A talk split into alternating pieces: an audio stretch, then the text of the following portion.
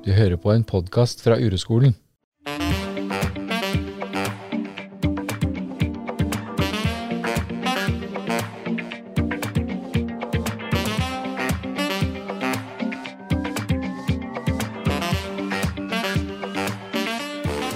Du hører nå på podkasten Helt sant med Siv Eklo og Kaspar Skeip. Vi ønsker å ta deg med inn i virkeligheten sånn som den ser ut for oss. Vi ønsker å gi deg innsikt og verktøy for at du skal være inderlig til stede i livet. God lytt! Hvordan er det å være deg, Asiv, når vi sitter og skal lage vår første podkast? Akkurat nå så kjenner jeg på at uh, jeg bør komme på noe skikkelig lurt skikkelig fort. Ja. Uh, for jeg hadde jo ikke forberedt noen ting. Og så sier du eh, kan, kan ikke du snakke om noe personlig som, som engasjerer deg?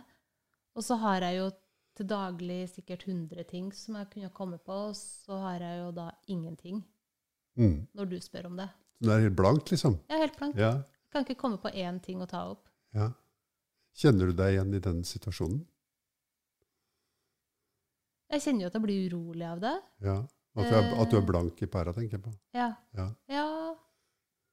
Ja. Jeg kjenner meg i hvert fall igjen i det. ja. At når jeg skal finne på noe lurt å si, eller noe interessant eller viktig, eller sånt, så Mm. er det plutselig ingenting der. Enn det er jeg som har så mange viktige ting å snakke om. ja. Og at det blir, helt, at det blir helt blankt, liksom. Men kan ikke vi snakke om det, da? Jo, vi Hva gjør det nå. skjer, hva skjer med meg og deg når vi kjenner at noen forventer at vi skal være kloke Ja. og smarte? Mm. Gjøre det Eh. riktig. Og engasjere noen andre. Gjøre det riktig? Det kan vi gjerne snakke om. Jeg kjenner jo på at når, når jeg klarer å oppføre meg på en sånn måte at jeg ser at folk syns at jeg er smart, kanskje, da, eller har noe på hjertet som jeg ser at folk har lyst til å høre på, da merker jeg jo at jeg blir veldig rolig. Ja. Jeg blir veldig rolig av det. Jeg blir jo øh, Og jeg kjenner, jeg kjenner meg trygg. ja. Og det, er nok, og det tror jeg nok for min del handler om at øh, Det er trygt å være den som er flink, da. Ja. Men øh, kjenner du deg så, det- så, Kjenner du deg lur eller dum når folk er interessert i det du vil si? Kjempelur. Ja, det kjenner deg lur, ikke sant? ja, Så du kan si da har du kontakt med både trygghet og lurhet, da. Ja, ja. Mens, Og det henger ofte sammen. ja, ikke sant? Sant? Ja, det henger sammen. Det henger sammen. Ja. Og det å være, føle seg trygg, Ja. da blir man jo, det blir man jo smart av. Ja. Eh, Og da er vi jo midt inne i det vi skal snakke om, fordi Mm. det er eksempel på ressurser. Hva? Det er eksempel på eh, ja, Sånn er det at hvis vi skal kunne yte vårt beste, så må vi ha kontakt med de ressursene som lett blir stengt ute når vi er utrygge. Mm. Sånn som jeg ser det, så er jo det med at vi gjennomgående veldig ofte i livet vårt er utrygge til en viss grad, og slik sett veldig ofte har en redusert kontakt med de ressursene som vi egentlig trenger veldig mye, da, og som vi lengter etter å ha, nemlig humor og smarthet eller lurhet eller intelligens eller kreativitet eller ting som skal til for å holde en samtale som, har, eh, som, som er givende for oss to, og som er givende for folk å høre på. Mm. Sånn er det, ikke sant? Mm. Ja. Så da, eh, men den der utryggheten eh, som kjenner, Akkurat nå, da, når vi sitter her, og du kjenner på deg, og jeg kjenner på deg, hvor er det du kjenner den utryggheten som fenomen i din kropp? Er det mulig å, er det mulig å finne det som noe fysisk sansbart konkret i deg? Ja, alltid. Og alltid på samme sted. Ja. Hvor er det da? Og alltid i mellomgulvet. Ja. Ehm, og da har du på en måte det suget Ja. som er litt sånn udefinerbart. Som handler om at nå er det noe som ikke er bra. Ja. Eh, og som åpenbart ikke liker å ha der. Ja. Som er ubehagelig. Ja. Og så vi, ja, så vi ikke liker å ha der, og som vi skulle ønske ikke var der. Absolutt. Ja. For det handler om Altså, det suget handler om utrygghet. Ja. Og det handler om at man kanskje har noen forventninger til litt eh, Eller det er uklare forventninger til hva jeg, hva, hva jeg skal levere, eller hva jeg skal prestere. Kan handle om det, ja. Mm. For min del. Ja. Eh, så hvis det er uklart, eh, så kan jeg bli usikker. ja. Og hvis Men det er selv- klart, så blir jeg trygg. Men selve Ja, ikke sant? Mm. Men selve suget, Mm. handler det om uklare forventninger? Hvor er, det, hvor er det som sier dette handler om uklare forventninger, for eksempel, da? Hvor er det? Det, det er tanke Ja, rundt. det er jo det er jo tank- tankesurret Ikke sant? Det er, rundt følelsen i magen. ja, Ja. det er tanker rundt en sansbar virkelighet. Mm. Og den sansbare virkeligheten handler egentlig ikke om noen ting, den er bare utrygg. Liksom. Mm. Det er bare den er bare ubehagelig. en, det er ubehagelig. Kanskje man kunne si at det er en kontakt med en sårbarhet. Mm. Det er bli sårbar her jeg sitter. Når jeg f.eks. skal begynne å snakke inn i mikrofonen snakke til folk. Ja. Mer sårbar enn jeg skal snakke til folk i en podkast, enn når jeg skal snakke med deg over hagegjerdet, liksom. Mm. Men jeg kan jo godt kjenne igjen den følelsen fra å snakke med noen over hagegjerdet også. Det kommer bare helt an på hvem den personen er, og det kommer an på hvor jeg er i mitt liv akkurat da. Plutselig så kan jeg ha den følelsen overfor naboen. ikke sant? Men er det da sånn at du kjenner følelsen før du tenker tanken? Nokså sikkert. Jeg tror jo, sånn som, sånn som jeg har lært og har forstått dette, og sånn som jeg har erfart det selv også, så er den følelsen Disse følelsene er aldri fraværende i menneskets liv, annet enn i korte øyeblikk. Men de, det er på en måte som en slags bølger som går opp og ned i kroppen vår, Mm. og som er der i den grad eh, Altså, de er der i stor grad, men styrken varierer hele tida. Og det som gjør at ikke vi legger merke til det, er at vi systematisk og gjennom hele livet vårt har trent på å ikke legge merke til det. Det vil si flytte oppmerksomheten bort fra det og over til noen ting som er mindre ubehagelig å ha, å ha i oppmerksomheten. Og vi har veldig avanserte strategier for å kunne ta oppmerksomheten bort fra dette. Fra dette veldig enkle følelsen av sårbarhet inni kroppen i møte med en nabo over hagegjerdet, eller i møte med kona mi. Eller, og jeg kan jo veldig godt kjenne det i møte med bikkja mi. på en måte. Hvis han oppfører seg dårlig overfor mennesker vi møter på veien, f.eks., så kan jeg ha den samme følelsen. Så det er liksom Og, det kan, og jeg kjenner det igjen fra e- egentlig når jeg er alene også. At uroen kommer og går. F.eks. at jeg, tanker i meg kan utløse den uroen. F.eks. om natten har jeg i mitt liv mange ganger opplevd det at hvis jeg for må opp om natten for jeg skal på do, eller noe sånt, så, tenke, så kommer det en tanke til meg som, som plutselig setter et navn på og lager et innhold i en viss uro som er i kroppen. Og som setter i gang en mental aktivitet. altså At jeg begynner å tenke masse forskjellige tanker som er drevet av den uroen som bare ligger der. Så jeg tror jo det er slik at uroen ligger i oss alltid. Men ikke som en konstant, men som en bølge. Så ikke som en konstant opplevelse, som en kroppslig erfaring som alltid er der, men som bare kommer og går. Ja. Mm. Og som kanskje i korte, kortere øyeblikk no, For noen kan jo de øyeblikkene sikkert strekkes over en viss tid, er erstattet av en følelse av helt stillhet eller helt ro. Jeg må jo si at jeg har erfart det i livet mitt, at jeg har vært helt rolig. F.eks. når jeg våknet om morgenen, jeg, kan jeg noen ganger oppleve at, sti- at jeg stiger langsomt opp til overflaten, at jeg er helt, helt At det ikke er noe uro i meg. At jeg bare ligger i sengen min med dynet over meg og hodet på puten, og alt er helt Det er ingen hendelser. Mm. Det er ingen inn... Det er, jeg er helt åpen, men det er ingenting som forstyrrer meg i virkeligheten. Og tankestrømmen har ikke satt i gang. Ja. Det er ingen tankestrøm der. Er bare, jeg bare er der, og det er godt. Mm. Du vet at du har gjort masse forskning for folk, for man ønsker å finne ut om det er sånn at det er tanke som trigger følelsen, eller om det er følelsen som trigger tanken. Ja? Og man finner jo ikke ut av det. Nei.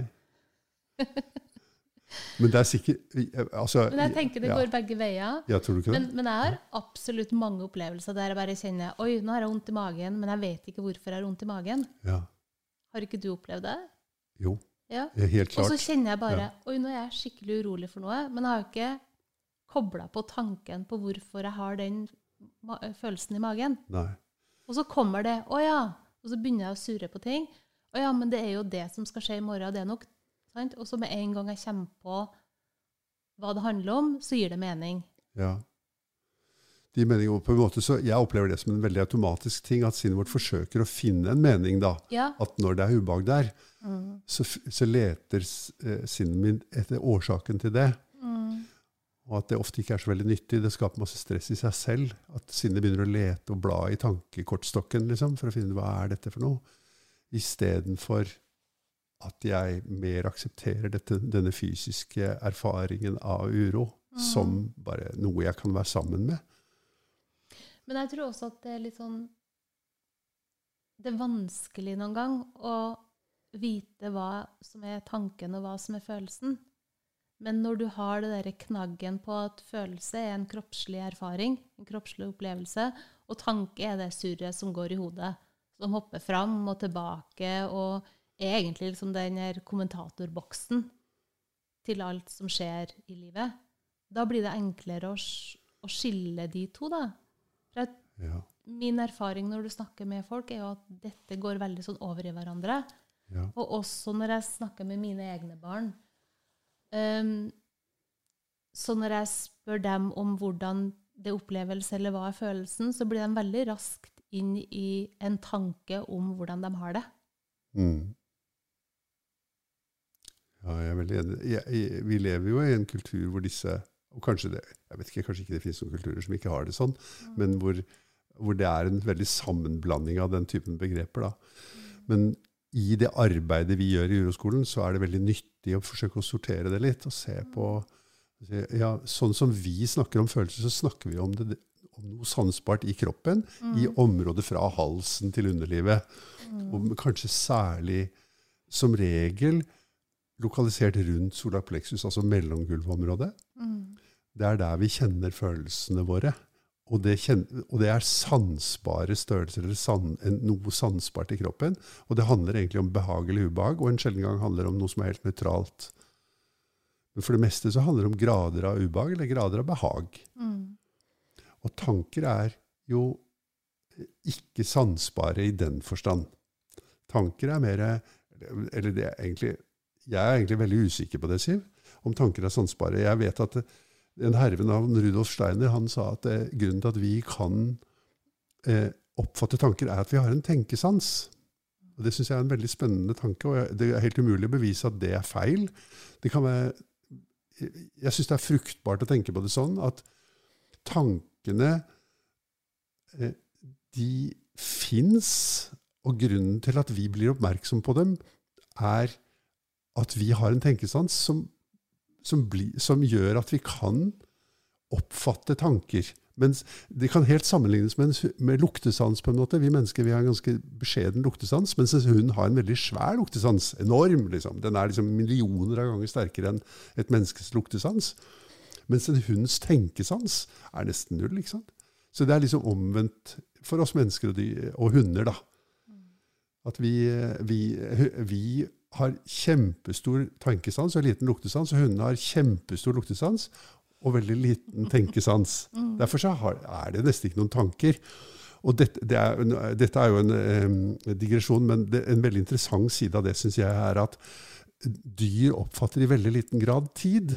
Og grunnen til det er at tid ikke eksisterer som en selvstendig fysisk størrelse, men den eksisterer bare sammen med tenkningen. For det eneste som eksisterer som fysisk størrelse, er jo nå. Og nå har ingen utstrekning.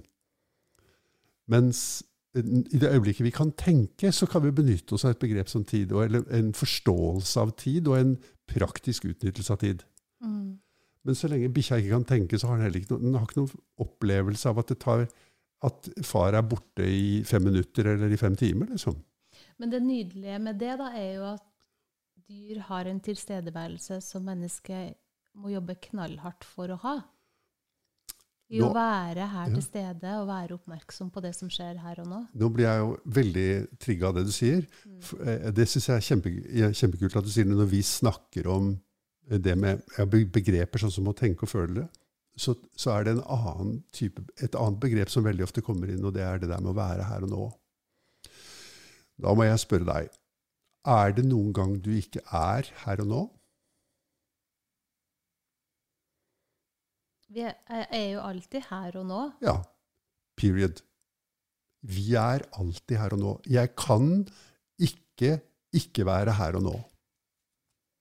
Men jeg kan jo tenke på alt annet som ikke handler om her og nå. Men dette er jo et veldig godt eksempel på nyttig begrepsavklaring. Mm.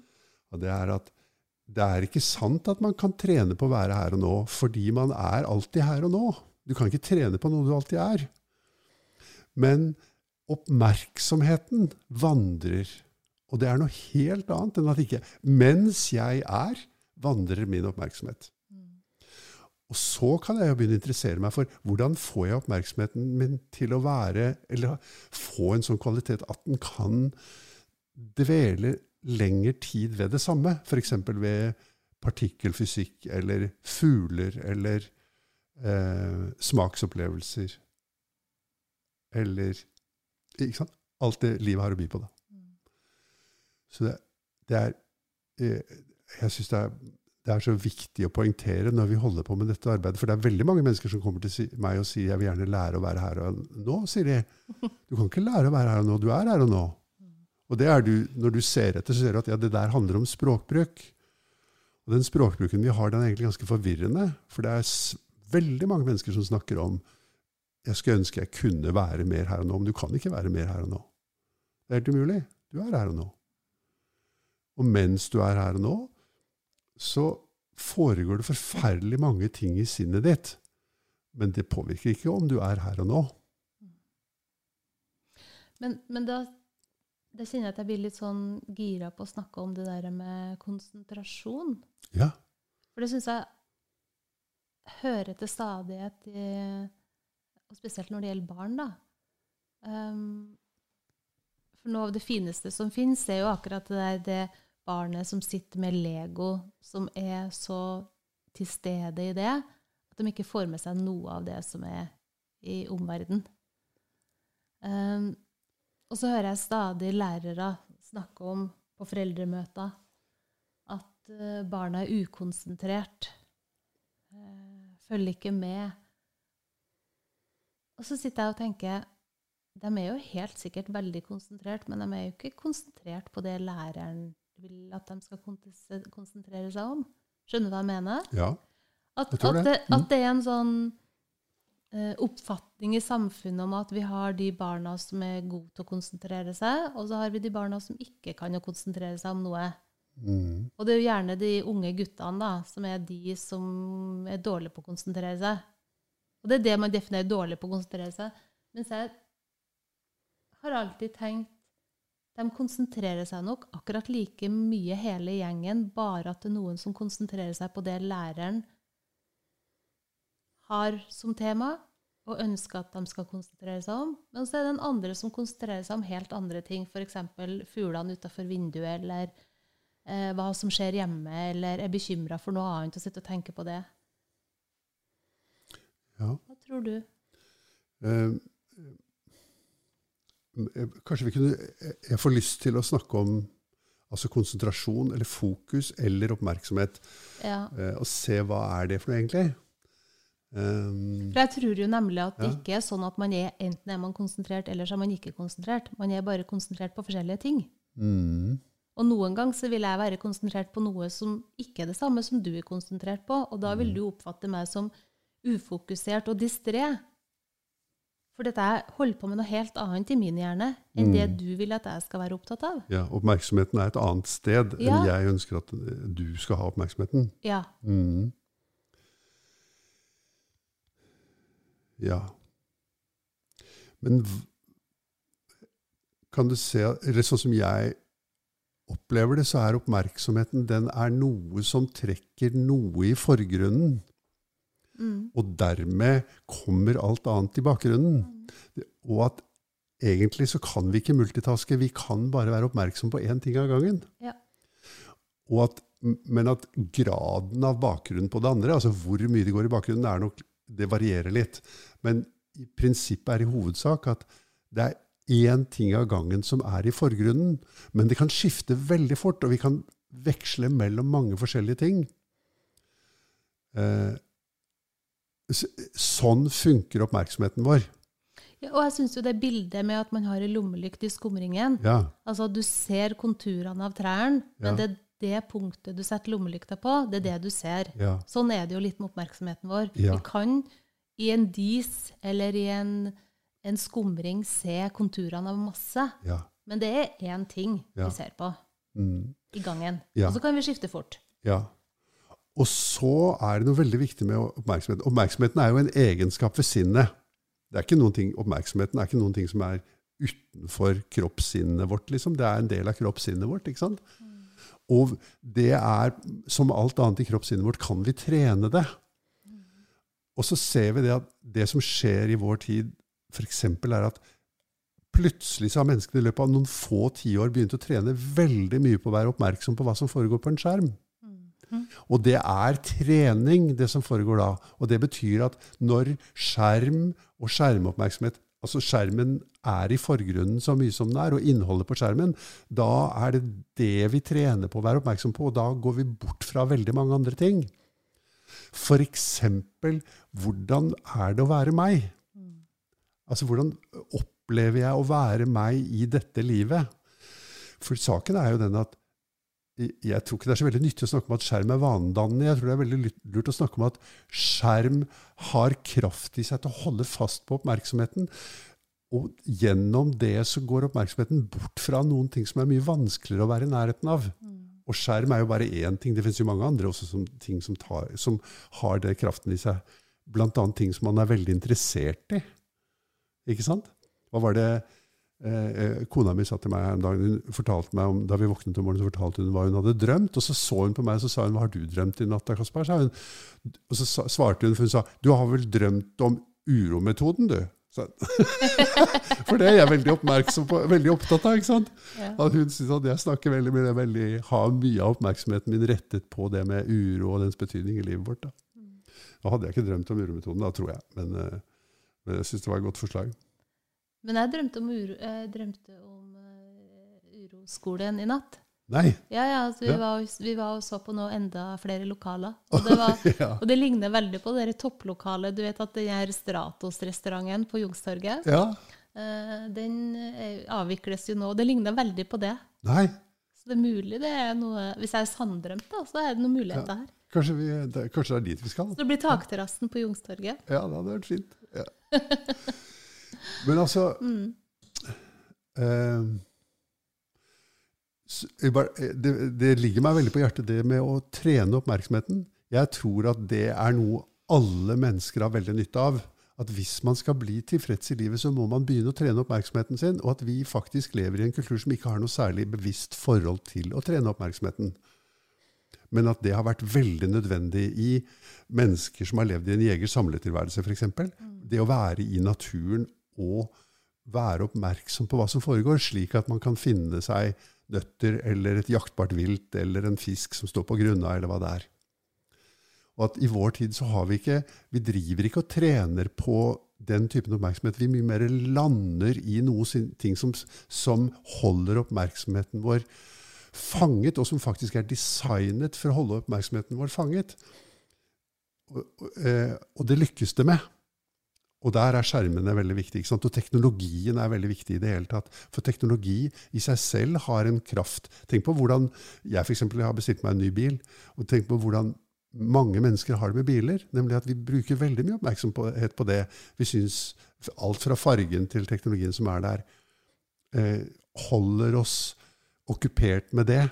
Og når jeg har bestilt en ny bil, så vil sinnet mitt drive og tenke på den bilen, og hvordan det blir å sitte i den, og hvordan det blir å kjøre med den, og hvor fort den går, og hvordan den ligger i svingene, og, og hvordan det er alle små detaljer som sinnet baker rundt i, da, eller baser rundt i. Og det kan jo være Det trenger ikke nødvendigvis være en bil, men det kan jo være gjenstander eller hendelser eller sånn som, som på en måte sinnet vårt er vant til å ramle inn i og dvele ved.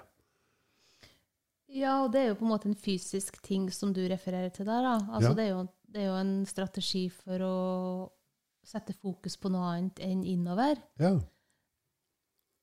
Men da tenker jeg det er jo litt interessant at f.eks. en bil eller en båt, den der uh, nyhetsfokuset eller Ja. nyhetsinteressen, har man jo forska ganske mye på, og det varer jo tre til seks måneder. ja. Så Det er sånn som forelskelser, ikke sant? Ikke sant? Det varer ikke kjempelenge, og det er jo derfor Mm. man refererer til det der tofotssyken når det gjelder båt. At Ja. neste sesong så må man Ja. ha en bitte litt større. Ja. Eh, Men når vi snakker om teknologi, da, så er det jo de spillene som ungene bruker, f.eks. Mm. De oppdateres og oppgraderes jevnlig. Ja. Nemlig ja. for at man skal ha nyhetsverdien Ja. lengre. ja. Ja. Så da får man en ny versjon, og så kommer man inn i en ny verden. Eller det der at du går opp level, og så kommer du til nye verdener. Som er laga helt riktig i forhold til å bli på en måte avhengig, eller bli veldig hekta på det i forhold til oppmerksomheten. da. ja Fordi altså, at det hele tiden er noe nytt. mm, Og så når jeg kommer meg opp på det nivået, så skal jeg gjøre et par ting der, og så kommer jeg opp på neste nivå. Pluss at du får belønningen i tillegg mm, som trigger masse deilig dopamin i hjernen. Så det er jo, helt, det er jo laga Ja. altså på Det er tufta på vår nevrologi som gjør at vi skal bli skikkelig gira på det. På Mm. samme måte som at du blir gira når du får en bil, men den varer jo ikke. Så du burde jo egentlig ha fått en ny bil hver tredje måned. mm, Hvis du skulle fortsette tenke at du mm. var skikkelig gira på den bilen. Men vet du hva de gjør nå når det gjelder biler, da? De kommer med oppgraderinger, for nå er det sånn at bilene er online i seg selv. Ja. Og det betyr at de oppgraderer programvaren i bilen. Ja. Og slik så begynner man også å gjøre bilen igjen og igjen til noe som er i stand til å tiltrekke seg oppmerksomheten og holde den der. Mm. Så hvis jeg spør deg, da, hvem er det som bestemmer hva du er oppmerksom på?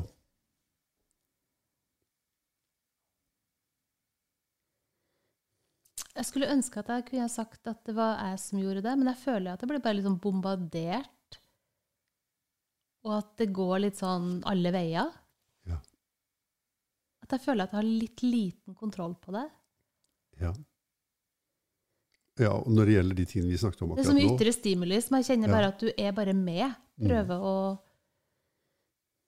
uh, håndtere det uten Mm. at jeg føler at jeg sitter i førersetet og tenker nå er det det. Nå er det Mm. neste tingen jeg skal ha fokus på. Det bare skjer. Mm. Ser du at eh, Det er jo mange andre ting som ikke er teknologi, som også er sånn. For eksempel, eh, nå begynner jeg å bli en eldre mann, men i mitt liv så har det f.eks. vært kvinner.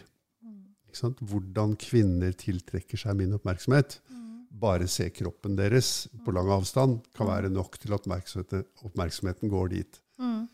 Eh, og at det finnes mange eller For meg har det også vært hus. Jeg har vært veldig opptatt av hus og husbygging. og sånn. Jeg har drevet med det i livet mitt.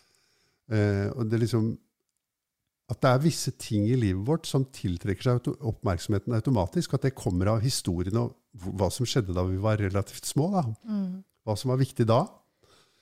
Og at det er ikke vi som bestemmer hva, som, hva vi gir oppmerksomhet i særlig grad. Det er veldig mye historien. Og så er det, i tillegg til det, er det nå veldig sterke krefter som prøver å stjele vår oppmerksomhet, og som er eh, high-tech. Ja, de prøver å stjele oppmerksomheten vår, og hvis ikke vi gjør noe med det, så vil de lykkes i det. Så eh, for oss som jobber med, eh, på uroskolen, så er det å bli tilfreds i livet, det handler om å ta tilbake kontrollen over sin egen oppmerksomhet. Og si ja, det er jeg som i større og større grad bestemmer hva jeg gir oppmerksomhet til, og hva jeg ikke gir oppmerksomhet til. Det er en av de aller viktigste ferdighetene man lager på uroskolen. Og jeg lover deg, det har utrolig stor betydning for om man blir tilfreds eller ikke i livet. Det har så vanvittig mye å si. Så det er bare å begynne å trene. Og på uroskolen trener vi på det. Det er på en måte basisferdighet. Og vi må trene på det, fordi vanene i hva vi gir oppmerksomhet, er så, har så stor kraft. Men da har jeg egentlig lyst til å fordi det er jo noe i samfunnet, da, eller noe i livet, som innenfor det med strategier, i forhold til hva er det vi holder på med for å ha fokus på noe annet enn egen uro eller eget, eget følelsesliv. Og så er det noe som er på en måte greit. Skjønner du hva jeg mener? At ja, vi syns det er helt greit at folk driver og trener masse. Ja. Som er et fokus for å altså, holde, holde på med noe annet enn å Eller det å shoppe. Eller det å bygge seg en ny hytte. Eller det å kjøpe seg en ny bil eller båt, eller hva det nå er.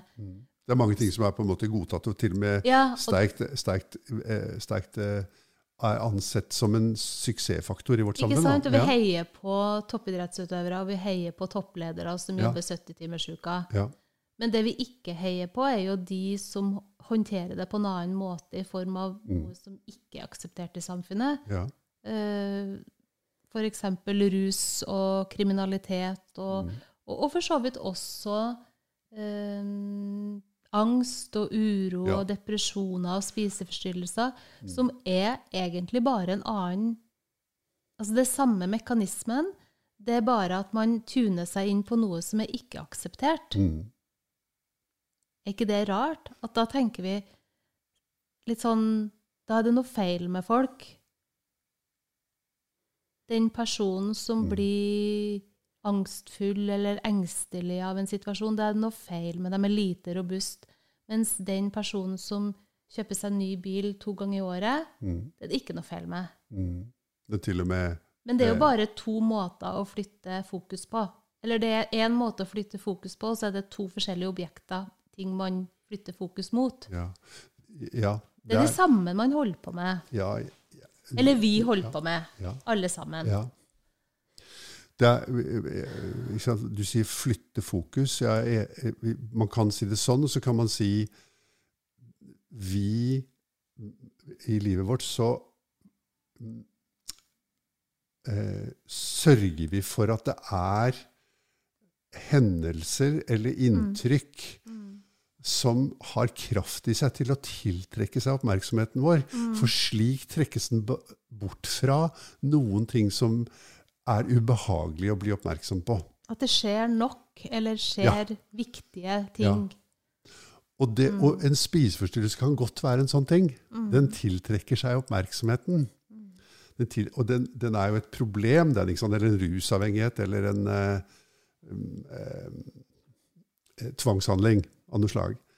Den er jo noe som vi er enige om at er et problem, men vi ser jo ikke at det ligger det samme bak veldig mange av de handlingene som vi er så avhengige av å gjøre. F.eks. mobiltelefonen. Det er noen som blir veldig overrasket når de kommer til meg og vi begynner å snakke om det. Så sier de og mener du at jeg er avhengig av mobiltelefonen? Eh, Altså, jeg bruker jo vanligvis ikke det ordet 'avhengig', men, jeg, men folk blir klar over at, de bru, at det vel, det å sitte og ikke være ha oppmerksomheten festet på noe, det blir ubehagelig. Og resultatet er at det får, det, eh, man bygger opp automatisk, et han, ha, automatisk handlingsmønster som er at når det blir stille, så kommer mobiltelefonen frem. Mm. Og da, og da bortfaller jo den muligheten til å finne ut hva det som skjer når det blir stille. Mm. Og som, sett fra min synsvinkel så er hva som skjer når det blir stille, det er helt avgjørende. Det er, det er bare gjennom det å bli stille og det å ikke holde seg okkupert at vi kan skape noe, f.eks. Og hvis det er noe som trengs i verden, så er det skapende mennesker. Jeg bare kjenner jo at jeg har jo, har jo vokst opp med dette mønsteret. For jeg hadde jo en far som hver gang det ble et minutt ledig, så sprang han seg en tur. Ja. Oh, ja. Og det var jo Ja. også som så jeg husker at folk snakka å, så sprek han er. Og, ja. Øh, ja, altså litt der bare positivt, da. Mm. Mens jeg ser i ettertid at det handla jo om en uro. Ja. ja og, og den, det er jo bare et mønster. Mitt mønster, vet du hva det er? Nei. Det er at når det blir stille, så sier sinnet mitt at det er noe jeg må gjøre. Ja. Eh, Da begynner er du å snekre, da. Jeg må få gjort noe Ja. Av Mm. alt det som står på den listen. Mm. Og det, jeg vet at det er veldig mange som har det sånn som meg. ja, At vi har en slags innebygget liste, og at når det blir stille, så går oppmerksomheten oppmerksomhet automatisk til den oppmerksomheten går automatisk til den listen. Og der står det alle de ting som burde vært gjort. mm. Og det er en uendelig liste. Og det er både sånne ting som er sånn hverdag, klesvasken, oppvasken, Ja. eller større ting. ja, Det kunne være å finne opp eller forandre verden, ikke sant. Ja. Redde verden er det jo nå. Ja, Ja. Ja. Det burde vært gjort. ja. Eh, så, og jeg har jo hatt det mønsteret i hele mitt liv. Eller altså, ikke i hele mitt liv, men i absolutt den største delen av livet mitt, siden jeg var en gutt på kanskje fem, seks, syv år eller sånt. Mm. Eh, og det har blitt sterkere og sterkere. Det eneste som er forskjellen nå, er at nå vet jeg at jeg har det mønsteret, og jeg er i stand til å ikke gjøre det som det mønsteret sier. Mm. Men det betyr jo at hver gang jeg blir stille, så blir jeg urolig. Ikke hver gang, fordi noen ganger blir jeg bare stille, sånn som jeg fortalte i stad. Men som regel, når det blir stille, blir jeg først urolig. Og den uroen, hvis ikke, hvis ikke jeg lærer meg å møte den uroen og se på den uroen og være sammen med den uroen, så vil den uroen drive meg inn i et slikt handlingsmønster som er tvangshandlinger. Som er, det kan være alle mulige ting. Sånn, vaske biler og båter og fly, og Mm. bygge hus, og bake brød, og tjene penger, og Som bare handler om å fylle. ja. Fylle på, eller fylle opp Ja. tid. Men i sinnet er det jo veldig altså i, I min forståelse av virkeligheten så er det jo helt klart at alle de tingene må gjøres. Ja, Men man, hvordan skulle det gå hvis man ikke vasker opp? Eller hvordan skulle det gå hvis man ikke bygger rekkverk på verandaen? Eller hvordan skal det gå hvis ikke man holder orden på økonomien sin? Eller hvordan skal det gå hvis man ikke står opp om morgenen? Eller hvordan? Veldig, veldig sterk drivkraft bak det. Ja, det er det ene. Og det andre er jo at jeg også, hvis jeg har hatt en dag der jeg har gjort veldig mye som jeg i mitt hode tenker er viktig og bra og fornuftig, vil jo også på slutten av dagen tenke Oi, i dag har det jammen gått bra, du. Mm. For i dag har jeg jo fått gjort åtte av de tingene Ja. på lista Ja, av ti. ja. Hvordan Det kjennes er det, da?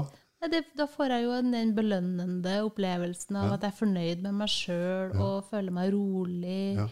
Eh, det er liksom en sånn mental klapp på skuldra, Mm. føles det ut som. At jeg er et godt menneske. Men tror du det er mulig å ha en god følelse inni seg uten først å ha gjort alt det som skal gjøres, da? Ja, men da må du jo jobbe og trene, da.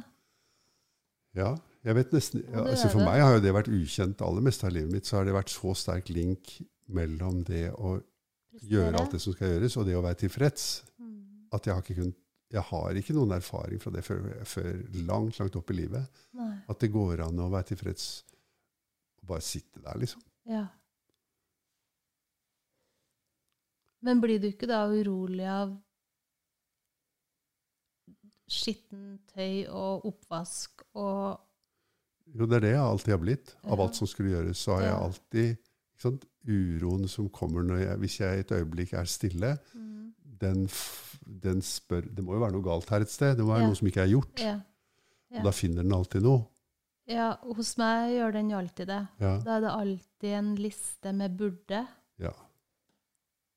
Det kan jo være bitte små ting. Bare jeg, når du og jeg sitter her i dette rommet, så kan det være at jeg ser et fnugg på gulvet som burde vært tatt opp. ikke sant? Ja. Eller, eller et spindelvev i et hjørne, eller et eller annet. Men du så når jeg kom i dag, Ja.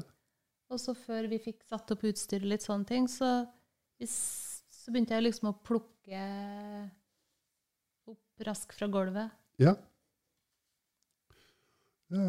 Sånne ting. For å bare flytte fokus. Og det, Ja. når jeg nå snakker om det nå, så tenkte jeg jo ikke over at jeg gjorde det engang. Og at det kanskje var et ubehag eller en usikkerhet i deg. Ja. Ja, hvordan gjør vi dette? Hvordan kommer vi i gang? Hva skal vi gjøre nå? Liksom? Mm. Sånn som vi var enige. Det var jo slik vi opplevde det da vi startet. Og det, det er jo interessant også å legge merke til, nå har vi sittet og snakket sammen en halvtime, at nå er det annerledes. Ja. For meg er det veldig annerledes nå. Nå er jeg mye roligere. Mm. Og Var du urolig? ja, Ja. så rolig. Så enda jeg har lagd podkast mange ganger, men jeg har aldri lagd podkast sammen med deg. Eh, så bare eh, en uro for ja, hvordan kommer vi i gang, liksom. Ja. Og, Og kanskje det ikke det ja. går noe bra. Ja. Men det er hvordan kommer vi i gang? Eh, det kjenner jeg jo igjen fra veldig mange forskjellige situasjoner i livet. Det er, det, egentlig så er det jo veldig ofte sånn å møte en klient eller en elev også, Ja. eh, at eh, de første sekundene eller minuttene er sånn eh, Der er det en uro om hensyn til hvordan finner vi den retningen vi skal, liksom. Mm. Men erfaringen min er jo at det går helt fint. Mm. Men det er en uro knytta til det. Jeg kan kjenne på et ansvar Ja. i den rollen. Et ansvar på at det blir en samtale som motparten har nytte av. At jeg kjenner på et ansvar for å være flink, da. Et Ja. ansvar for å tenke at jeg må på en måte sikre at den personen går ut og tenker at det var en nytteverdi. Dette hadde jeg bruk for. Jeg lærte noe, eller jeg hadde en opplevelse som gjør at jeg kom meg videre i livet. At jeg kjenner på et press om å være god. Mm. Det presset, gjør det deg bedre eller dårligere? Helt åpenbart dårligere, for det gjør jo at jeg vil prøve å finne løsninger for motparten, i stedet for å ha ro nok og trygghet nok til at den personen skal finne det sjøl, da. Ja. Det presset er uro. Det presset er uro. Ja, og presset og den uroen, den tar deg vekk fra de ressursene du egentlig ser etter. Mm. Ikke sant? Kreativiteten og humoren og varmen og alt det som trengs i en god samtale. Da. Mm.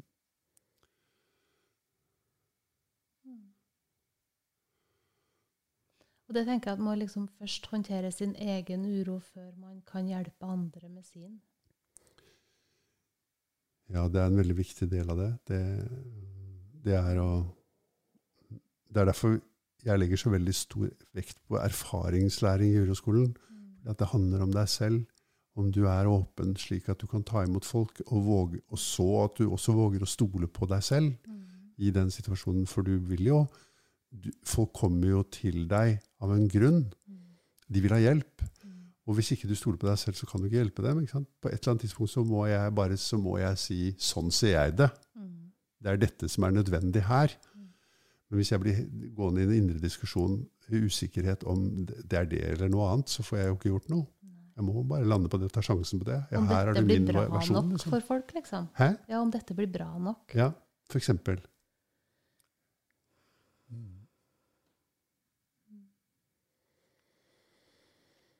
Ja. Så, på, så eh, hva vi snakket om i dag, eh, Siv? Vi har snakket om eh, hvert fall om oppmerksomheten. Ja, og så syns jeg det var litt fint at vi fikk eh, vært innom tanker og følelser og liksom forskjellen på det. Og også det med at vi har en tendens til å heie på det samfunnsaksepterte uh, uttrykket for uro, Ja. og at vi blir veldig stuss på det som ikke er akseptert eller innenfor rammen av prestasjon. Da. Altså det handler om de tingene som i samfunnet tenker at det er noe feil med dem. Det er noen som ikke får det til, og så er det noen som får det til.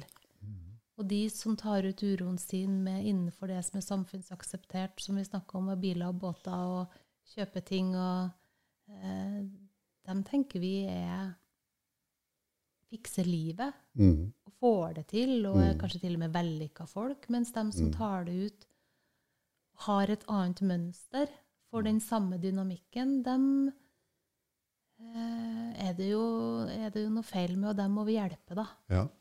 De trenger hjelp. Ja. Så Det bra. syns jeg Det, også var en sånn fin inngang, da. ja. Og det er jo en av de, det er på en måte ideen bak uroskolen. Det er at det stemmer ikke at det er noe feil med noen. Det som stemmer, er at vi har forskjellige strategier, og gjennom å bli klar over de mekanismene, så kan vi bli fri fra de strategiene, enten de er akseptert av samfunnet eller ikke akseptert. Og de ideene vi har om at noen er syke og noen er friske, de er bare kulturelle uttrykk for en bestemt måte å forholde seg til dette på. Og det interesserer ikke oss på uroskolen. Jeg- Vi kommer ikke til å være opptatt av folks diagnoser. Og vi kommer ikke til å være opptatt av at noen mønstre er ok, og noen mønstre er feil. Mønstre er mønstre, og friheten ligger i å kunne velge å ikke gå inn i et mønster, og isteden være fri og åpen og spontan overfor den virkeligheten vi står overfor. Og at det er største, noe av det største man kan oppleve i livet. da. Og så tror jeg at man, de aller, aller fleste er ikke klar over sine mønster, så det vil være startsted for alle. Ja. er å bli klar over sine egne reaktive mønster, eller, eller man kan kalle det automatiske prosesser. Og bare, hvordan sånn, blir- bare man gjør det. Ting som bare skjer, og ting Og jeg hvordan bare blir man gjør. klar over det? Hvordan blir man klar over det? Ja. Ja. Man blir klar over det fordi det begynner å gjøre vondt. Mm. Mm. Man og da søker man hjelp, og da kan man søke hjelp. Enten hos en som vil si 'det er noe feil med deg', 'vi må fikse det', 'her har du en medisin', eller 'her har du en hypnotisk øvelse som skal ta deg bort fra det som er feil, over i det som er riktig'. Eller du kan søke hjelp hos noen som sier 'det er ikke noe feil med deg, du er bare sånn som meg'. Det er bare det at eh, du må lære deg å gjenkjenne det mønsteret som, som behersker sinnet ditt som f.eks. er en mobiltelefon, eller en spiseforstyrrelse, eller en kjøpemani, eller en suksessjakt, eller en opptatthet av, eh, de, um, av kjønnsobjekter, eller hva det er. Ja. Ja.